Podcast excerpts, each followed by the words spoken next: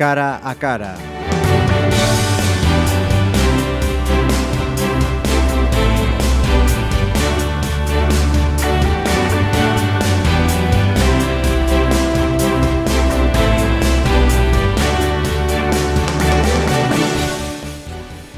Saludos, eh, comenzamos este cara a cara con un Pontevedrés eh, lamentablemente poco, poco conocido. Luego lo quiero preguntar si injustamente poco conocido. ¿no? Lo cierto es que hay un dicho en este país que dicen que, que nadie es profeta en, en su tierra y no es porque la tierra sea ingrata, sino porque quizá los moradores de esa tierra resultan ser los ingratos. Luis Fortes Ledo, bienvenido. Hola, muchas gracias, encantado, un placer. Diseñador pontevedrés y como digo, esto es eh, ingratitud mm, como defecto del ser humano. Sí, por supuesto, la vida es ingrata, injusta más que nada, ¿no? Uh -huh. Pero eso es algo que me costó unos años entender, ahora ya lo entiendo, por supuesto. Uh -huh. Me costó entenderlo. Lógico, lógico, porque me imagino que eso lleva eh, muchos años, pues toda una vida, ¿no? De, de, esfuerzos y... Sí, sobre todo cuando eres un creador, que vives en Disneylandia, no vives en el planeta Tierra, y hasta que aprendes que vives en el planeta Tierra, tardas muchísimo tiempo. Mm. Luis, eh, como decía, eres eh, pontevedrés, pero muy jovencito ya te marchaste. Cuéntanos. ¿cómo, sí, cómo 16. Fue? Sí, lo que ocurrió es que, bueno, yo aquí eh, siempre fui un personaje que se salía un poquito de lo que era la Pontevedra de los años 60, que era un sitio viscontiano, mmm, hermosísimo, eh, pero muy conservador. Entonces, claro, una persona que destacaba así tanto eh, y que ya tiene inquietudes, pues tampoco había muchas posibilidades para mí, yo quería volar. Uh -huh. Y sobre todo, yo cuando ya tenía 14 años, mm, recuerdo que una vez, ya a los 8 años, mi madre me había enviado a Inglaterra a estudiar inglés, yo había visto por allí Piccadilly Circus y todo, ya veía a la gente, lo que se movía, yo ya decía, uy, este es mi mundo, ¿no? Pero claro, un día me metí en el cine a ver el Gran Gatsby y digo, uy, yo quiero que mi vida sea como la de este hombre.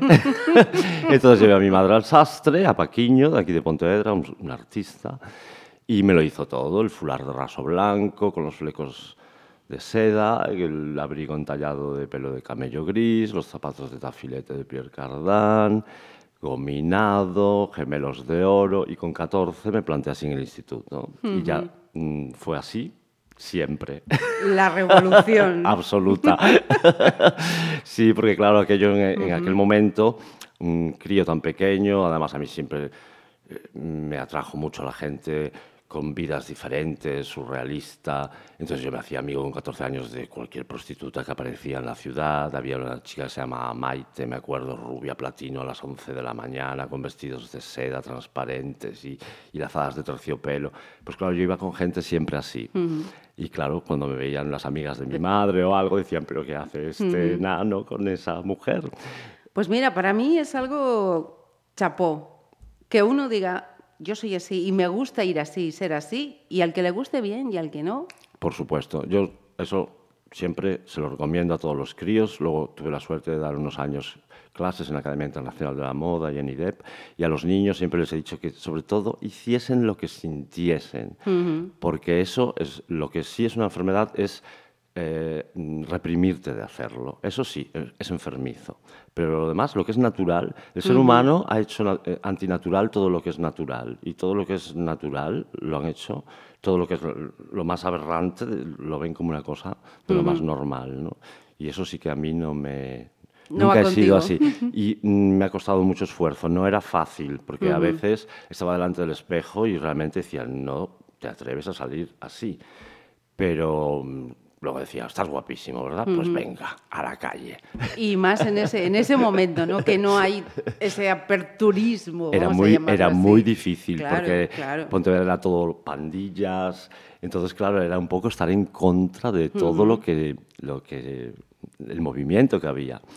Y claro, mm, la gente que quería entrar en mi pandilla al día siguiente, si estaban en una pandilla tenían que cambiar de estilo. Al día siguiente ya eran con plumas, los vestidos de las madres y las joyas de las madres, robadas.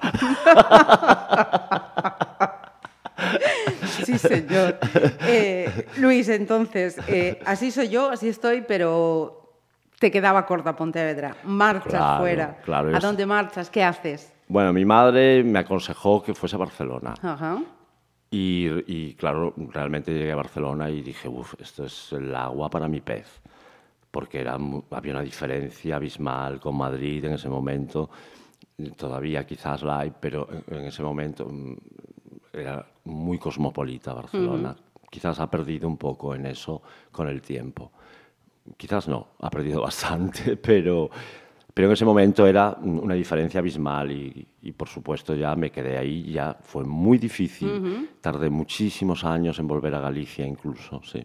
¿Más vanguardista incluso que Madrid? En muchísimo más, muchísimo más. Mm, Madrid eh, mm, quizás aprovechan más a los vanguardistas. Nosotros éramos auténticamente lo que éramos, eran nuestras vidas.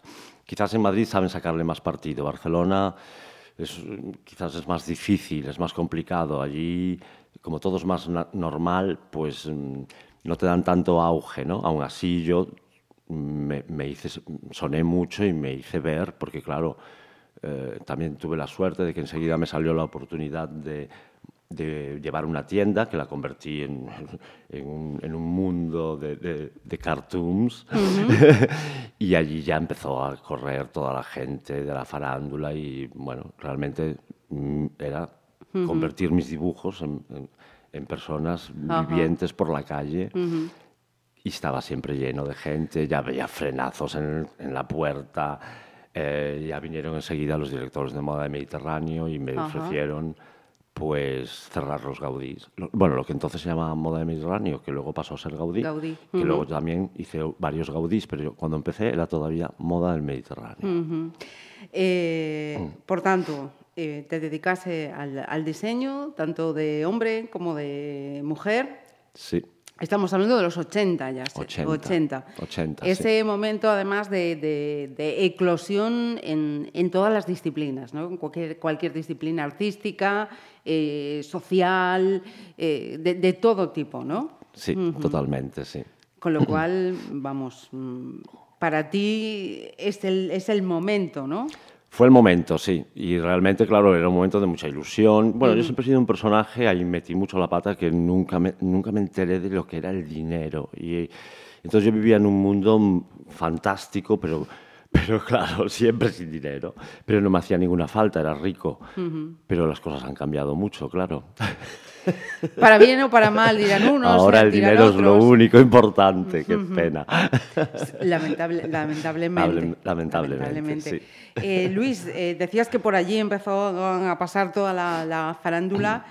Em, ¿Qué personas eh, has, conocido y has vestido? Que a mí ya me han chivado alguna, pero quiero que lo cuentes tú. Conocer, he conocido a mucha, mucha gente. He conocido a Grace Jones, he conocido, no precisamente por mi trabajo. A Grace Jones la conocí bajo otras circunstancias. He conocido a Paloma Picasso, he conocido a mm, Amparo Muñoz, ella, sí que la vestí. Eh, Alaska, Miguel Bosé, Carmen Maura, no sé. Y luego he conocido, mm, no, recuerdo a todos, he conocido a gente pero quizás mm, también los olvidé un poco a todos, porque cuando los conoces, eh, aquellos que eran tus ídolos eh, también se te caen un poco al suelo. Con la única persona que me quedo de los que he conocido y que es realmente una estrella es Thierry Mugler. del, ámbito de la profesión. Sí, sí. sí.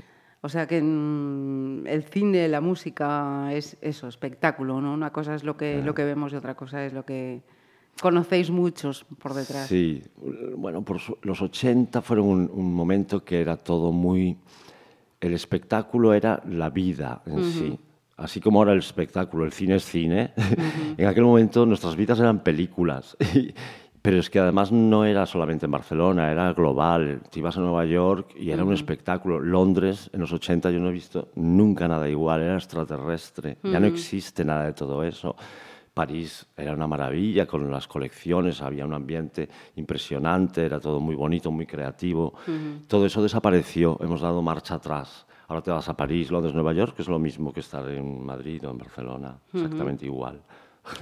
Y en cuanto, en, cuanto, en cuanto, a la moda, eh, explícanos cómo eran esos eh, diseños que tú hacías. Hemos visto algunas eh, fotografías con, con, tejidos muy, muy brillantes, muy, muy ese vestir excesivo, muy llamativo, ¿no? sí, lo importante era mm, romper la realidad, ¿no? crear un mundo de, de, fantasía donde todo fuese más bonito, más divertido, pudiésemos estar más alegres, de estar vivos, más contentos de salir a la calle. Y claro, éramos muy jóvenes. También se ha muerto un poco en mí esa, esa, esa, ansia. Ahora sigo disfrutando muchísimo de, de, poner a la gente guapa, pero quizás también la vida no me ha ido por esos derroteros y eso también quizás haya influido, ¿no? Se me ha cortado un poquito todo ese exceso de creatividad que, que, que tenía. De todas maneras, tengo en mi despacho cajones llenos de dibujos imposibles que aún a veces sale cada día una cosa que digo, uy, pero si esto lo tengo yo dibujado, efectivamente, ¿no? Hoy lo encuentro. Tenía mucha energía, fue una pena, eh, sí, ha sido un, una energía muy, muy mal utilizada, no, no hubo nadie, también lo entiendo, que era tan fuerte mi tema que no había no ha habido nadie que apostase por ello y por supuesto una persona como yo que lo hizo todo así con magia solamente con el carisma que tenía y, uh -huh. y mucho trabajo porque siempre me ha gustado mucho mi profesión y mi, y, y mi trabajo y he trabajado mucho y sigo trabajando muchísimo sábados y domingos uh -huh. todos los días pero sí que ya no tengo la energía el pedazo de energía que tenía por uh -huh. supuesto se va notando y aún así transmites mucha energía Elvis ¿Cómo sería hace unos años? Insoportable. Mira, yo, yo, tengo una duda, ¿no? Porque me, me decías, yo, yo he vestido Alaska, uno se, se conoce, se acuerda de cómo vestía Alaska, efectivamente, muy llamativo, muy, muy, eso, fantástico, ¿no? De, wow. Sí, bueno, y... es que Alaska, perdona, Alaska sí. realmente cambió su imagen cuando me conoció a mí, porque ella cuando, al principio, cuando uh -huh. hizo Pepi Luz y todo eso, sí. su, su, imagen era totalmente punk. Sí, y como cuando, muy gótica, sí, ¿no? Uh -huh. Sí, punk, el punk uh -huh. londinense, tal cual, con cuadros escocés y los imperdibles. Pero yo hice una fiesta en Madrid y ahí ella se estuvo toda la noche viendo mis dibujos y al día siguiente era uno de mis dibujos. Ajá. De hecho, lleva un dibujo mío tatuado en el brazo derecho, creo que es. ¿No es la única? No es la única que lleva un dibujo tatuado. Ah, es la única. Que yo sepa, es la única.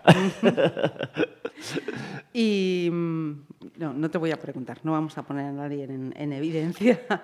eh, sin embargo, teniendo, teniendo esa imagen, ¿no? luego leyendo cosas eh, de ti, veo que te dicen que mm, eh, uno de los exponentes de, de la moda preta porter de los años 80 en, en, Barcelona, en lo que se llamó el, el nuevo romanticismo, la New Wave, eh, eras tú. Pero es totalmente diferente, ¿no? Explícamelo.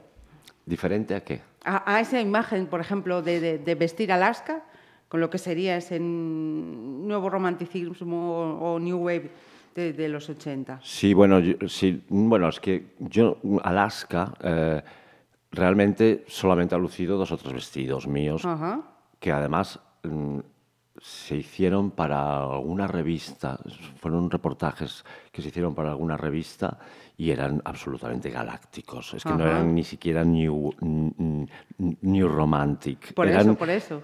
Eh, y tengo las fotografías. De hecho, uno de ellos me lo, me lo compró. Uh -huh. Lo que no sé si se lo puso nunca o no. Era un vestido bastante fuertecito, quizás para sus medidas y su estatura no era el más adecuado, pero era tan impactante que sí, se lo quedó. Uh -huh. Pero ella ya enseguida, claro, yo vivía en Barcelona, ya en Madrid, yo siempre he estado en mi mundo con mis amigos. Para mí lo más importante siempre han sido mis amigos, que por uh -huh. desgracia con el tiempo van desapareciendo y entonces te das cuenta que todo tu mundo se ha desplomado, ¿no? Eso también es una lección muy dura. Eso es ¿eh? durísimo, es lo más uh -huh. duro que me ha pasado en la vida. Eh, entonces, eh, volviendo a la anterior pregunta, no quiero que nos pongamos eh, mm. tristes porque es una persona muy, muy vital, quiero que, se, que sigamos en ese tono. Em, ¿Tú cómo te defines entonces? ¿Más ese estilo glamour, glamuroso? O ese... Bueno, a mí Porque el yo he visto glamour- un, vi- un antes con, con telas así muy sedosas y eran, pues sí, efectivamente, muy una- unos tonos así suavecitos, muy romántico también, sí. Siempre me ha gustado mucho el color. Ahora intento escapar un poco, no soy tan colorista porque eh, quedar un poco más discreto, ¿no? Porque ya se ha abusado mucho también. Y tampoco estoy en el ámbito. Si estuviese en Los Ángeles trabajando igual para las actrices o las showgirls, igual seguramente sí que seguiría coloreándolo todo. Pero ahora intento ir más discreto. Pero sí que en ese momento pero hacía muchas cosas muy diferentes. Yo, yo es que con el tiempo me he dado cuenta que más bien soy un creador más que un diseñador, porque hoy en día hay muchísimos diseñadores que hacen cosas fabulosas, pero lo mío siempre ha sido crear, sacar algo a la luz que viene directo de la mente, que no lo has visto. Y muchísimo menos fusilar, eso es algo que detesto, porque el trabajo, ese trabajo es muy difícil. Entonces no estoy muy a favor de la gente, por muy alto que hayan llegado, que se aprovechan del trabajo de estas personas para enriquecerse, ¿no? El- eh, en eso, mm, a pesar de que el- he atravesado mm, por muchos desiertos en mi vida, creo que mm, nunca lo haría. Soy yo, eh, para soy bien yo. o para mal, soy yo. Y estoy a gusto siendo yo, sí, Sí. señor. A gusto no, pero soy yo, no me queda otra.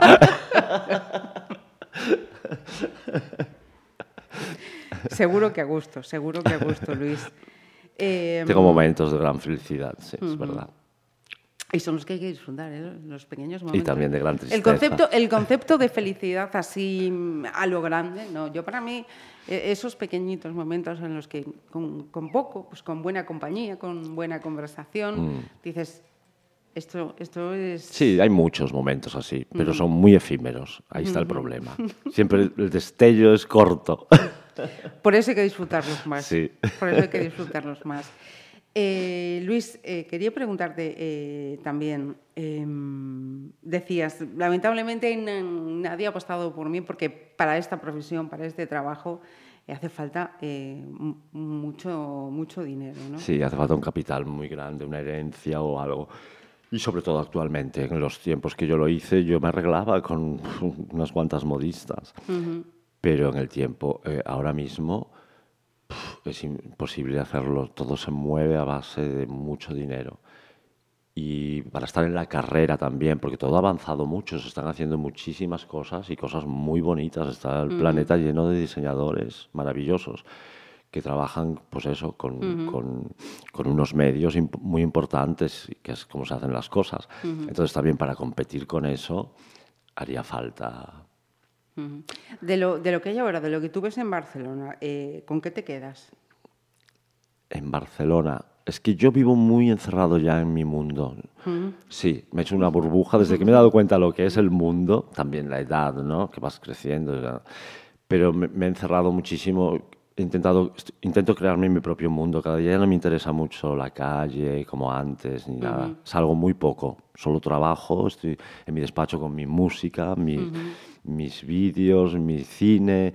Eh, y claro, tampoco me interesa mucho más, porque así aprovecho ya más el tiempo de las cosas que me gustan, no dejo entrar en mi casa nada de lo que no me gusta, porque el tiempo corre y quiero que sea todo lo más bello posible. ¿Y en qué estás inmerso ahora, si podemos preguntarte? Estoy haciendo todo artesanalmente. Pues no te podría decir, porque realmente me empeñé en hacer una colección y me puse yo solo después de una caída muy gorda que tuve. Empecé a cerrar piso- pisos que tenía alquilados, me fui a vivir a mi despacho y, y empecé yo solo, porque yo nunca había cosido. Sí que había ayudado en todo, pero jamás había cosido. Es ahora que estoy haciéndolo todo yo. Y es cuando me doy cuenta de lo difícil, imposible que es.